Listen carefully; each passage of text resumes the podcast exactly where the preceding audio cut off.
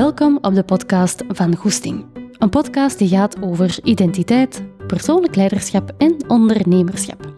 Ik ben Anne-Sophie, coach in persoonlijk leiderschap en organisatieontwikkeling en samen met mijn collega's van Koers bouwen wij aan een wereld waar individuen, teams en organisaties even stilstaan bij een kern.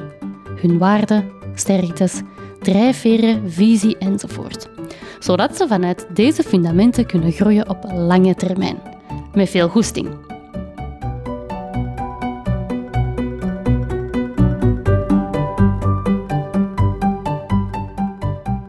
Welkom, Katrien. Dankjewel. Welkom hier eh, in ons kantoortje in Antwerpen. Ik heb u uitgenodigd naar aanleiding van een podcast hier over hoogbegaafdheid. Dat is uw specialisatie. En eh, ik heb er ook al heel wat vragen over gekregen, over mensen die daar wel wat meer inzicht in willen krijgen. Ehm, dus daarom ben jij vandaag hier. Super. En ehm, we gaan vandaag eigenlijk u veel meer informatie geven over wat dat hoogbegaafdheid wel is, ook wat dat het niet is, hoe dat je het kunt herkennen bij jezelf, maar misschien ook bij anderen. En vooral ook gaan kijken naar wat de impact daarvan is. Enerzijds hoe dat het u misschien soms wel kan belemmeren, maar, anderzijds ook dat als je daar bewust van bent, hoe dat het u kan helpen en dat je er ook echt een, uw, uw kracht van kunt gaan maken. Dus dat is een beetje het doel van vandaag. We gaan proberen het algemene kader te scheppen. En um, voordat we daaraan beginnen, Katrien, wie ben jij? Haha.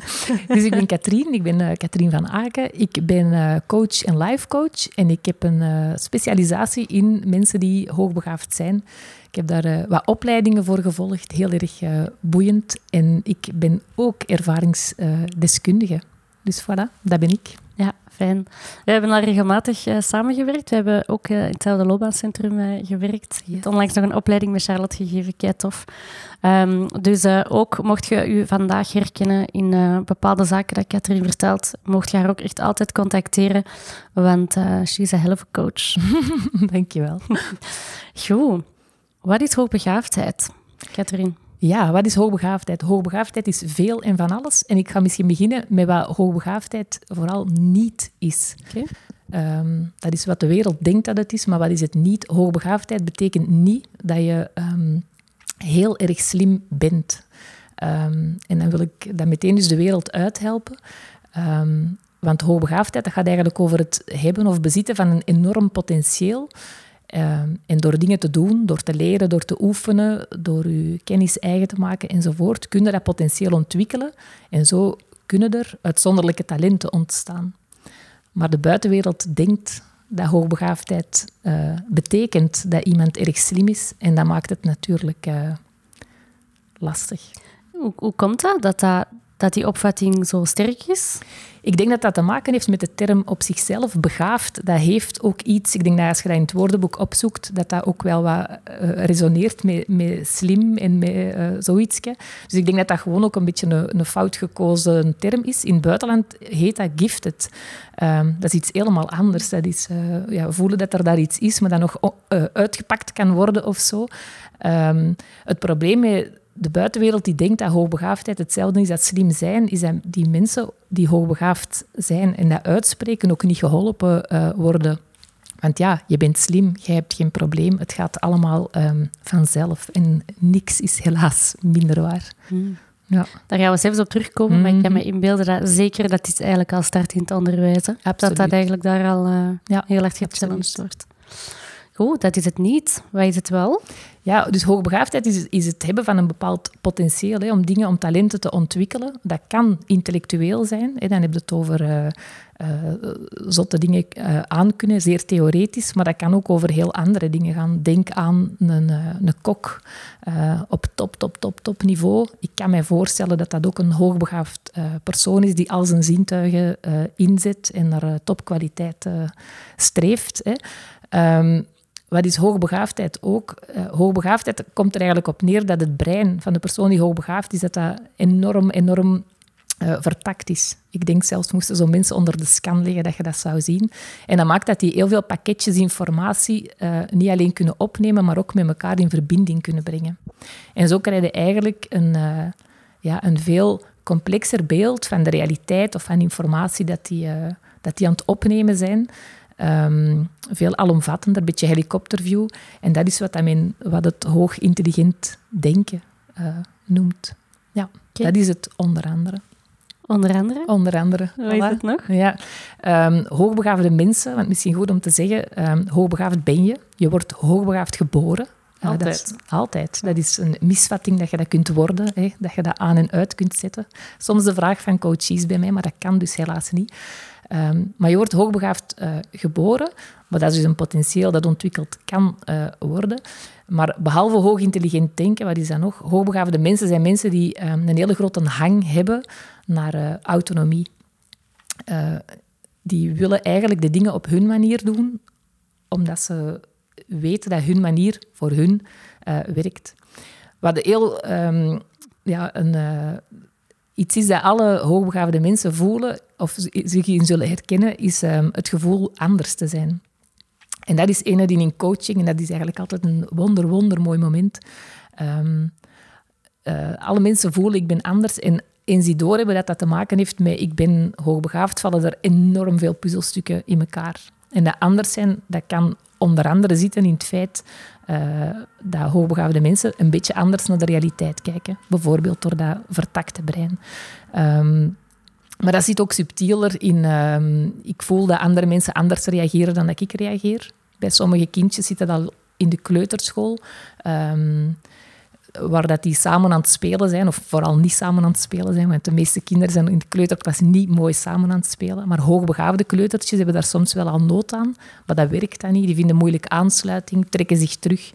Um, Komt dat dat ze minder aansluiting vinden op dat moment? Omdat die eigenlijk, die hun interesses liggen al ergens anders. Die zijn dikwijls al ja, verder ontwikkeld, zijn al wat taliger, um, spelen op een andere manier, hebben ook andere vriendschapsverwachtingen. Die zijn eigenlijk je zou kunnen zeggen dat die al een, eh, een stadium verder zitten. Een beetje meer al richting zo de, de verwachting dat er wederzijdse vriendschappelijkheid kan zijn. Maar dat is bij kleine, kleine kleuters helemaal nog niet het geval. Um, en om erbij te horen, vallen dat soort kindjes dan soms stil of die kopiëren het gedrag van rondom hun. Um, en dat is iets wat de ouders soms opmerken. Soms ook niet, want dat gebeurt soms alleen maar in de klas en niet thuis. Um, maar dat is wel een belangrijke, zo als eerste ding dat kan opvallen. Zo het spelgedrag dat misschien een beetje uh, verandert. Of commentaar krijgen van um, de kleuterjuf en voelen, her, praat die over mijn kind. Dat is iets helemaal anders dan hoe dit kind bij ons thuis um, heel actief, heel uh, leergierig uh, zit rond te lopen. Ja. Nog een hele herkenbare is dat, uh, kleine kinderen bijvoorbeeld al in de laatste kleuterklas zichzelf ogenschijnlijk wat hebben leren lezen en schrijven. Die een grote leerhonger hebben en dat dan uh, proberen in te lossen door bijvoorbeeld bij oudere broers of zussen te gaan piepen en dat dan oppikken en dat dan eigenlijk al kunnen. Maar ja, dat is leerstof voor het eerste. Daaraan kun je dat zien. Dat is heel zichtbaar, maar er zijn ook veel minder zichtbare um, kantjes aan. Um, zo zijn er veel voorbeelden bekend van mensen die aangeven: mijn kind lijkt wel een beetje autistisch te zijn. Um, een beetje in de lijn van wat ik daar straks zei. Dat zijn kinderen die moeilijk aansluiting vinden, um, die niet echt gelijkgestemde vinden en daardoor wat uit de groep zich gaan zetten, zich wat isoleren. En dan krijg je kinderen die letterlijk wat verstillen. Uh, geen connectie meer zoeken. En gevoeld in al wat ik nu vertel, dat dat wat raakt aan autistische trekjes. Maar dat blijkt het dan helemaal niet te zijn. Wil dat zeggen dat er vaak een misdiagnose is? Dat denk ik niet, want um, testen op autisme, dat gebeurt zeer professioneel. En uh, iemand zei mij, en ik vind dat een graadmeter, hè, autistisch ben je overal. Dus als een kindje alleen maar op school autistisch blijkt te zijn en niet thuis en niet um, bij vriendjes of bij familie, dan uh, zou je daar vragen bij kunnen stellen. Ja. Oké. Okay. Tijdens de voorbereiding heb je mij ook verteld, je hebt er juist al iets over gezegd, maar dat dit ook echt gaat over identiteit. Ja, identiteit, waarom? Um, ja, in coaching onderscheiden eigenlijk verschillende niveaus. Hè. En uh, een van de lagere niveaus is gedrag. Hè. We zeggen soms, um, uh, ja, uh, doe dit of doe eens dat. Dat is gedrag dat je wel of niet kan stellen, dat kun je bijsturen.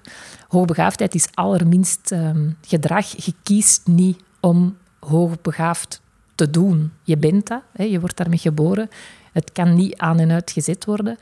Um, dat maakt ook dat dat dus fundamenteel onderdeel is van je identiteit. En in coachprocessen, zowel bij kinderen als bij volwassenen, is het, uh, komt er dus vroeg of laat een moment dat dat, dat geaccepteerd moet worden. Hoe, hoe onnozel dat dat ook klinkt, maar dat is wel iets dat je, dat je eigenlijk meepakt en, en meedraagt.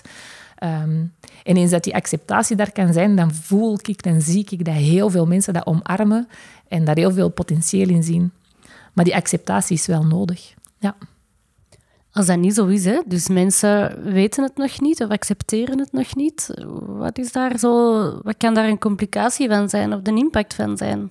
Ja, ik denk als je niet weet dat je hoogbegaafd bent, denk ik dat je soms blind staart op ehm, de uiterlijke dingen die, uh, ja, of een buitenstaander, de uiterlijke dingen die gezien worden, bijvoorbeeld kinderen die zich wat afzonderen, moeilijk gedrag, uh, rebelleren, of zelf voelen, ik hoor er niet bij, ik denk anders. Um, het is vooral heel, het stukje van de anders zijn, de anders denken, wat zeer fundamenteel is. Dat haakt ook in op... Um, ja, wie ben ik dan eigenlijk? Hè? En dat begint allemaal heel subtiel, maar dat, um, het is heel belangrijk om, om uh, op een bepaald moment te voelen, oké, maar dat ligt daar aan. Ik ben niet per se um, meer of minder. Hè. Ik, ben, uh, ik denk anders, ik zit anders in elkaar en dat heeft, uh, dat heeft consequenties. Die consequenties, waar uiten zich die of hoe uiten die zich? Ja, um, goh, dat kan in, in heel veel verschillende vormen. Hè. Maar ik geef een aantal voorbeelden. Bijvoorbeeld kinderen die um, zeer perfectionistisch gedrag gaan stellen. Um, daar zit meestal onderliggend ook wel iets. Hè. Dus perfectionistisch gedrag wil zeggen, ik streef naar iets en ik kan dat niet bereiken. Ik leg de lat altijd maar uh, veel, uh, veel en veel hoger. Um, soms heeft dat een link met hoogbegaafdheid. Hè. Hoogbegaafde mensen zijn mensen die de lat heel erg uh, dikwijls heel erg hoog leggen. Maar nog meer in beeld komt bijvoorbeeld faalangst. En dat is echt iets heel erg um, hardnekkig, wat hoort bij een deel van uh, de hoogbegaafden. Niet alle hoogbegaafden vertonen faalangst. Maar faalangst is eigenlijk ja, letterlijk hè, de angst om uh, te falen, om geen succes te boeken. En ik ga daar misschien een klein beetje verhaal rond vertellen om te begrijpen wat een dynamiek daarvan is. Dus wat gebeurt er met kinderen die uh, op school komen, zijn hoogbegaafd, kunnen mee? Eigenlijk, um, kort door de bocht, die doorlopen eigenlijk heel veel de leerstof vanzelf. En dus alle leerkuilen die die aan, zich worden aangeboden in de leerstof, dat zijn voor hoogbegaafde mensen geen leerkuilen. Dat zijn eigenlijk heel kleine sprongetjes dat die vanzelf kunnen maken.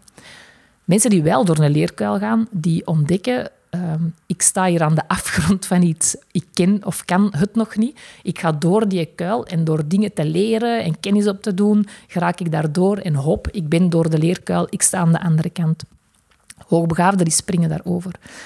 Maar dat maakt dat die eigenlijk nooit de ervaring van iets nieuws leren door door een leerkuil te gaan, dat die dat niet meemaken. Um, en dat het moment, het eerste moment in hun leven dat die daar echt komen te staan, en bij sommigen is dat pas heel ver in hun loopbaan, dat die het gevoel hebben, oh maar wacht eens even, dit is ellendig. Ik kan dit niet. Ik blijk erg dom te zijn. Um, en wat gebeurt er dan? Je kunt je dat zeer visueel voorstellen. Die staan aan het afgrondje van zo'n leerkuil. Die denken, dit ga ik niet doen. Die draaien zich om en wandelen weg. En dan heeft faalangst als gevolg niet alleen dat je gaat uitstellen, maar vooral ook dat je gaat afstellen. Wat maakt dat mensen daarvan weglopen en denken, ik blijk niet slim te zijn? Dat heeft met het volgende te maken. Hoogbegaafde mensen die hoge scores bijvoorbeeld halen of heel de tijd successen boeken, die krijgen heel vaak toch uh, positieve feedback. Maar knap gedaan, daar heb je hard voor gewerkt. Ik zie dat je je hebt ingezet, je hebt 100% of 90%. Slim.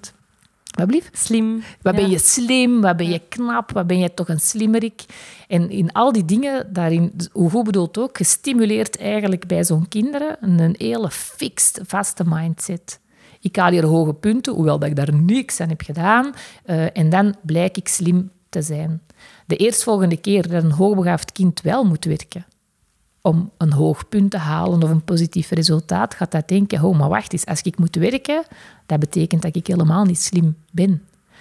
Dus als ik nu eens niet werk, dan kan ik ook niet niet slim bevonden worden. Ik begin er gewoon niet aan. En dat maakt dat, en dat is de grootste boodschap die ik mee wil geven aan ouders met kinderen, um, uitdaging, uitdaging, uitdaging, uitdaging. Dat is echt het enige antwoord om hoogbegaafde kinderen op een goede manier door het onderwijs te loodsen. Zowel in de klas als buiten de klas, zowel binnen de school als buiten de school, maar uitdaging, uitdaging, uitdaging. Om, te, om te zorgen dat er door leerkuilen wordt gegaan en dat zij ontdekken dat door inspanningen te leveren, zij resultaten kunnen behalen en grote sprongen verder kunnen zetten. Wat zijn voorbeelden van uitdagingen? Wat zijn voorbeelden van uitdagingen? Bijvoorbeeld, ja, binnen de klas kan dat bijvoorbeeld zijn ehm, om binnen een bepaald thema uh, dat behandeld wordt, om dat veel groter aan te pakken. Hè? Een, een, eh, een middeleeuwen thema of uh, weet ik veel, om dat veel meer tot in de diepte, veel meer uitgesponnen. Um, daar bestaan ook heel veel tools voor. Hè? Um, zoals bijvoorbeeld de taxonomie van Bloem, om er maar één te zeggen. Dat, dat gaat eigenlijk van hele lage denkordes, denkvermogens naar hele hoge. Dus eenzelfde les kan een leerkracht een beetje opdelen, opsplitsen en gedifferentieerd aanbieden, heet dat dan. Uh, waarbij dat zowel de, de, de modale leerling hè, uh, als de hoogbegaafde leerling rond datzelfde thema, uh, de ene dieper, de andere minder diep, um, kan werken. Wat het zeker niet is, is meer van hetzelfde. Dat is pure bezigheidstherapie. ik voel ook dat ik daar heel fel over word hier. Maar dat is wat er vaak gebeurt, zeer goed bedoeld. Uh, maar dat is absoluut niet nodig. Eigenlijk wordt er gezegd, zeer drastisch schrappen. Alles wat gekend is in het leerpakket van hoogbegaafden moet geschrapt worden. Daar zit nul uitdaging in. Dat is je reinste verveling. Dus eigenlijk komt het erop neer dat je die kinderen in die kuilen moet gaan trekken, zeg maar. In plaats van dat je ze over meer kuilen moet gaan laten lopen. Want dat is wat je zegt, hè? meer werk is gewoon over meer kuilen lopen. Ja, die springen daar gewoon over. Dan gebeurt er niks. En er gebeurt niks, ze leren ja. niks, die vallen stil. Want wat is school toch zo verschrikkelijk saai? Waarom ben ik hier? Dan krijg je dat. Waarom zit ik op school? Ik leer hier niks. Wat moet ik hiermee? Um, maar inderdaad, een school kan pushen, pushen, pushen, dat kinderen toch leren. Nu, soms is de hoogbegaafdheid van die aard dat dat niet kan opgevangen worden alleen maar in de klas door één leerkracht. Hè. Eén leerkracht die dikwijls al 24, 25 kinderen te begeleiden heeft. Hè. Alle respect dat dat dan niet zo makkelijk gaat. En sommige scholen um, uh, um, creëren dan kangoeroeklasjes. Kangoeroeklasjes waar sterk, uh, cognitief sterke leerlingen komen die um, ja, dieper op bepaalde thema's of compleet andere dingen daar aanleren. Maar die soms ook leren over faalangst of over leren leren. Want dat kunnen de meeste hoogbegaafden echt niet goed. Um, maar dat wil zeggen, eigenlijk een één of enkele uren per week of per twee weken worden kinderen uit de klas gehaald en die gaan daar andere projectjes doen. Dus dat is nog altijd wel binnen de schoolcontext, maar eventjes uit de klas. Mm. Andere ingrepen zijn bijvoorbeeld om leerlingen te laten springen, hè, dus een jaartje overslaan, of bijvoorbeeld twee jaren in één jaar te doen. Moet allemaal besproken worden met de school, hè, wat, er, uh, wat er haalbaar is. Maar dat zijn allemaal manieren om uitdaging te voorzien of te versnellen. Dat zijn de uitdagingen voor kinderen. Hoe ziet je dat, die uitdaging bij een volwassene? Ja, eigenlijk ook daar. Hè. Uitdaging durven aangaan is ook bij volwassenen. Dat levert echt heel zotte resultaten op. Want dat zijn eigenlijk mensen die... Ik zeg dat vaak aan coaches. Jullie zijn in staat om de wereld te verbeteren. Hè. Um, om grote dingen neer te zetten. Maar de angst om te falen is dikwijls zo groot dat men daar niet aan begint. Um, bij volwassenen voel ik dat de uitdaging... Dat is ook bij kinderen, hè, maar... Um, bij volwassenen vind ik, is dat vaak nog geprononceerder, omdat dat echt gaat over welke richting kies ik in mijn leven. Volwassenen struggelen heel vaak met de, het gebrek aan en de nood aan zingeving. Waarom ben ik hier? Um, waarom leef ik mijn leven? Wat is mijn meerwaarde? Um, uh, en dat is een vraag die niet zo evident beantwoord wordt altijd in het leven dat wij vandaag leiden. Bijvoorbeeld in heel de red race. Um, heel veel coaches zijn mensen die, ze noemen dat zelf, uh, in een gouden kooi zitten. De talenten zijn dan wel gezien, die, die presteren ik weet niet hoe goed, die verdienen bakken geld, om het cru te zeggen. Maar voelen zich eigenlijk niet gelukkig. En heel vaak is het gebrek aan zingeving, um, waarom doe ik wat ik doe, is dit wat ik met mijn leven wil doen, heb ik op deze manier voldoende impact, um, ontbreekt dat.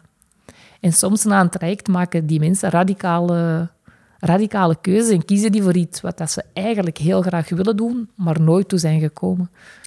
Omdat ze het niet wisten meestal, of omdat ze het wel wisten, maar het niet durfden aangaan door die faalangst?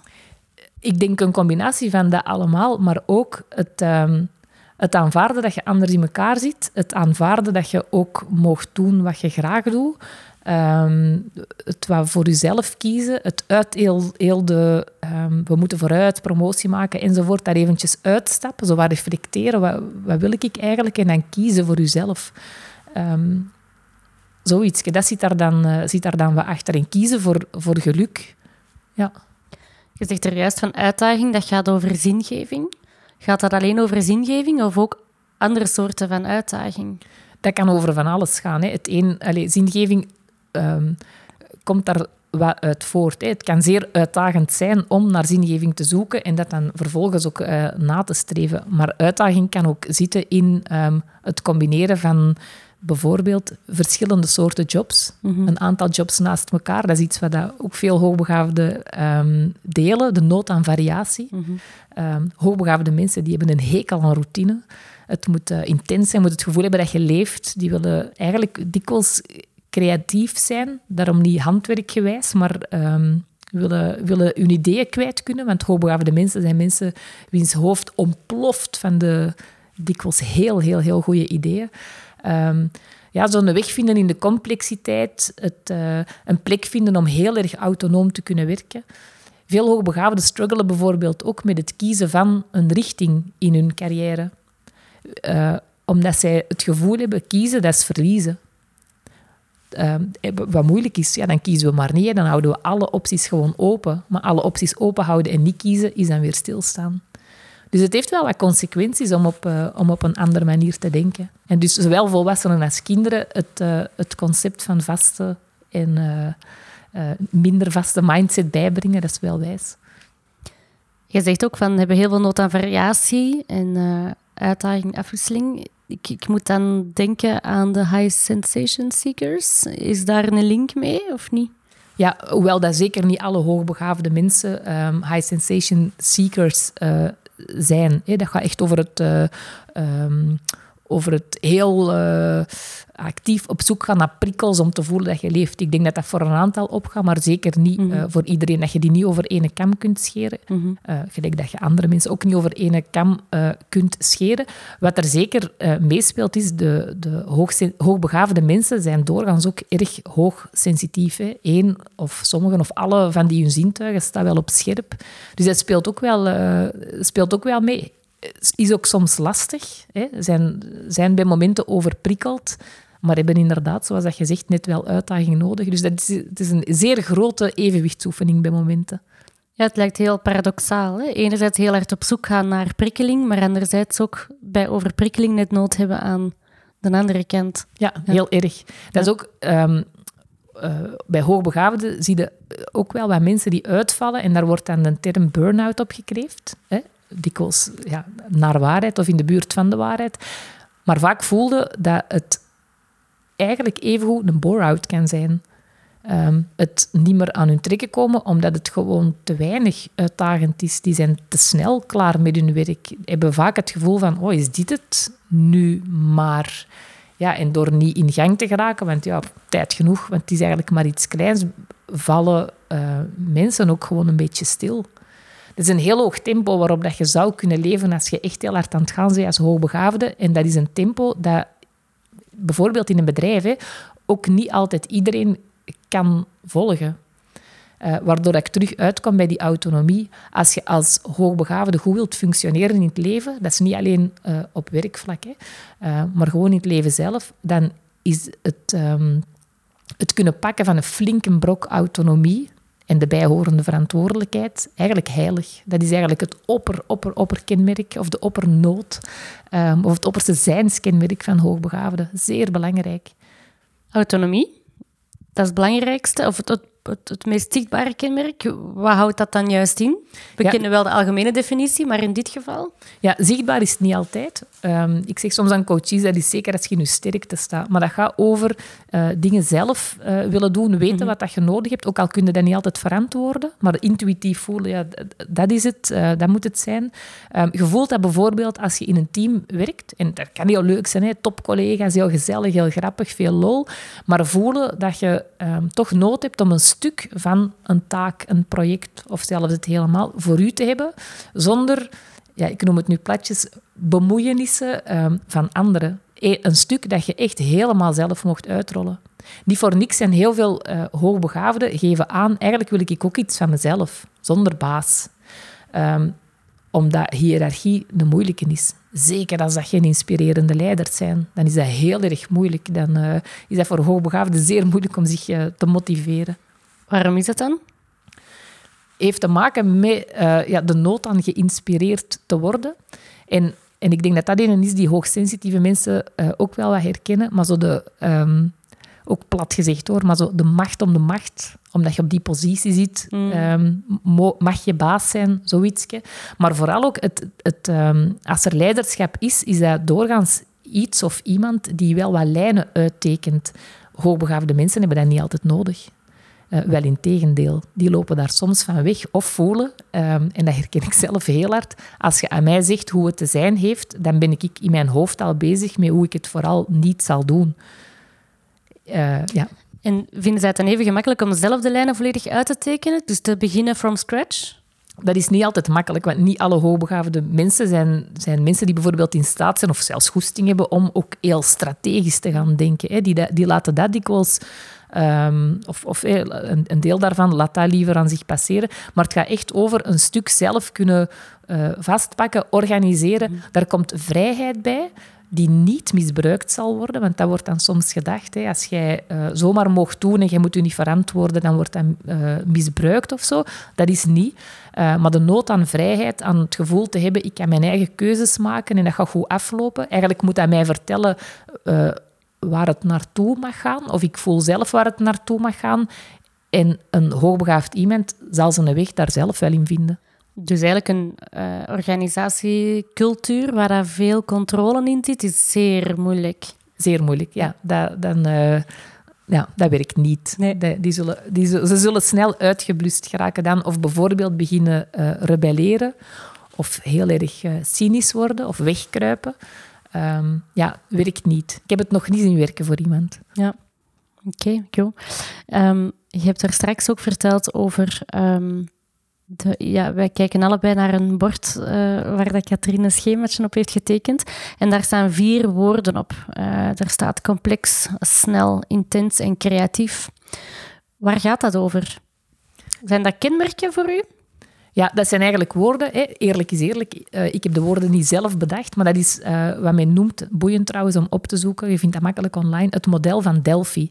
En het coole aan dat model van Delphi is dat dat um, gemaakt is door een stuk of twintig wetenschappers die enorm veel kennen van uh, hoogbegaafdheid. En die hebben eigenlijk de, de zijnskenmerken, hè, wie of wat ben je als je hoogbegaafd bent, in een zeer toegankelijk schema gegoten.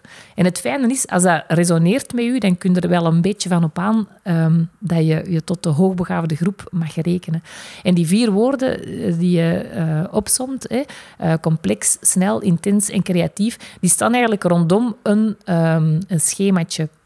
En dat zijn vier zaken die uh, heel erg spelen voor hoogbegaafden.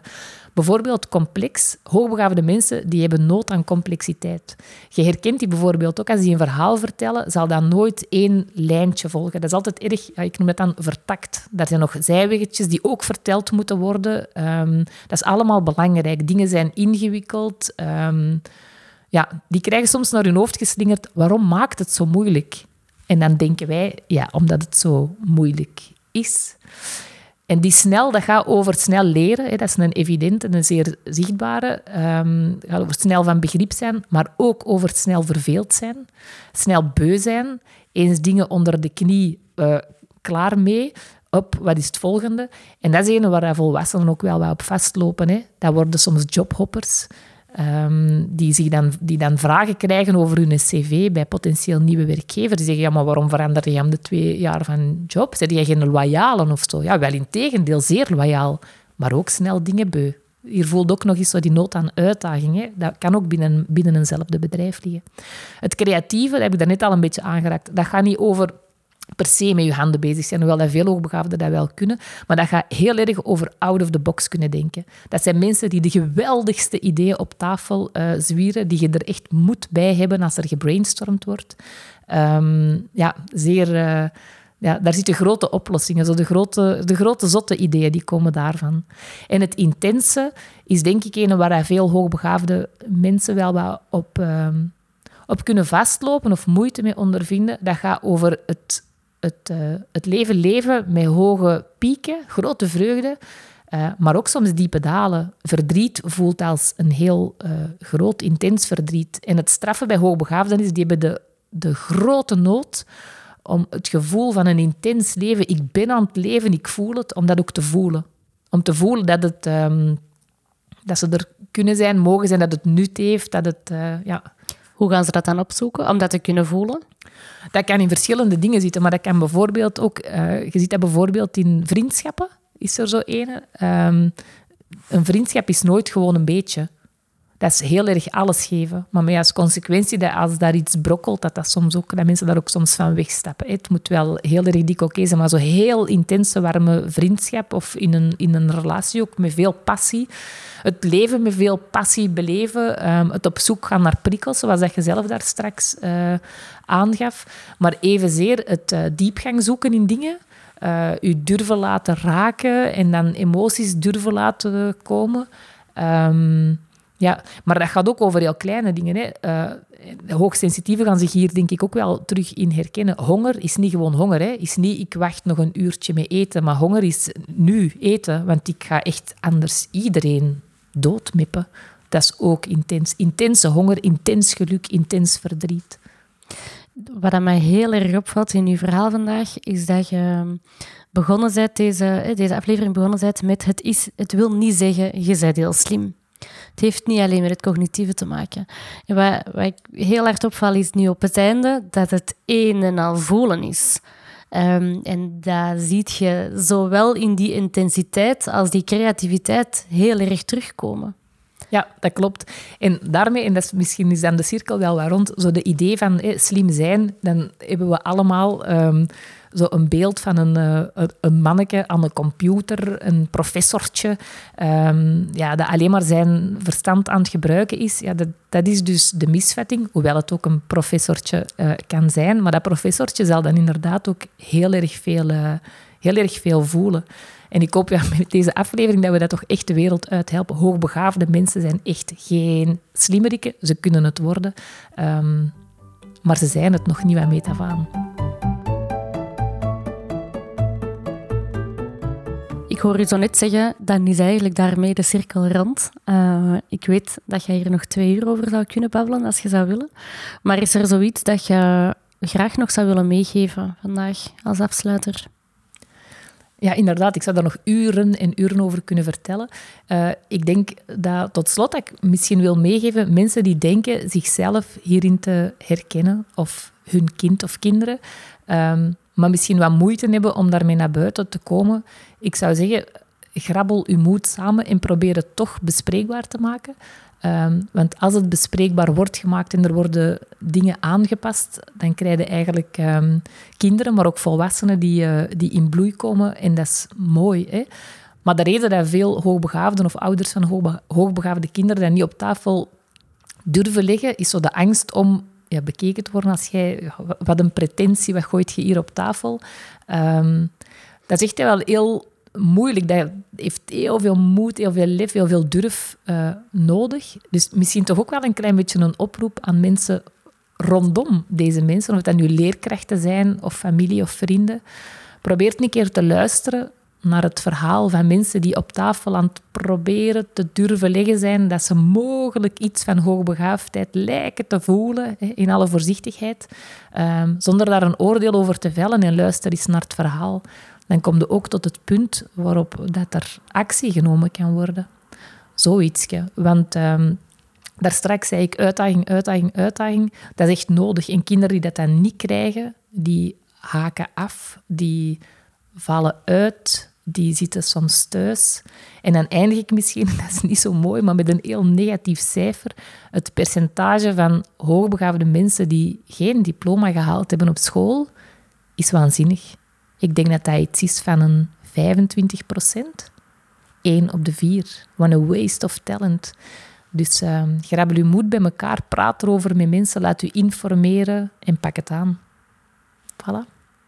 Ongelooflijk bedankt, Katrien. Um, als iemand zich herkent, mogen zij jou contacteren? Absoluut, zeer welkom. Um, alle info staat op mijn website www.katrienvanaken.be. Um, en dan gaan we samen op zoek naar wat dat er kan werken. Ja, fijn. Dankjewel voor vandaag. En uh, mocht je nog vragen hebben in de tussentijd, je mocht altijd een berichtje sturen. En dan uh, stroom ik dat even door naar uh, Katrien. Super, Merci, dankjewel. bye bye. Bye.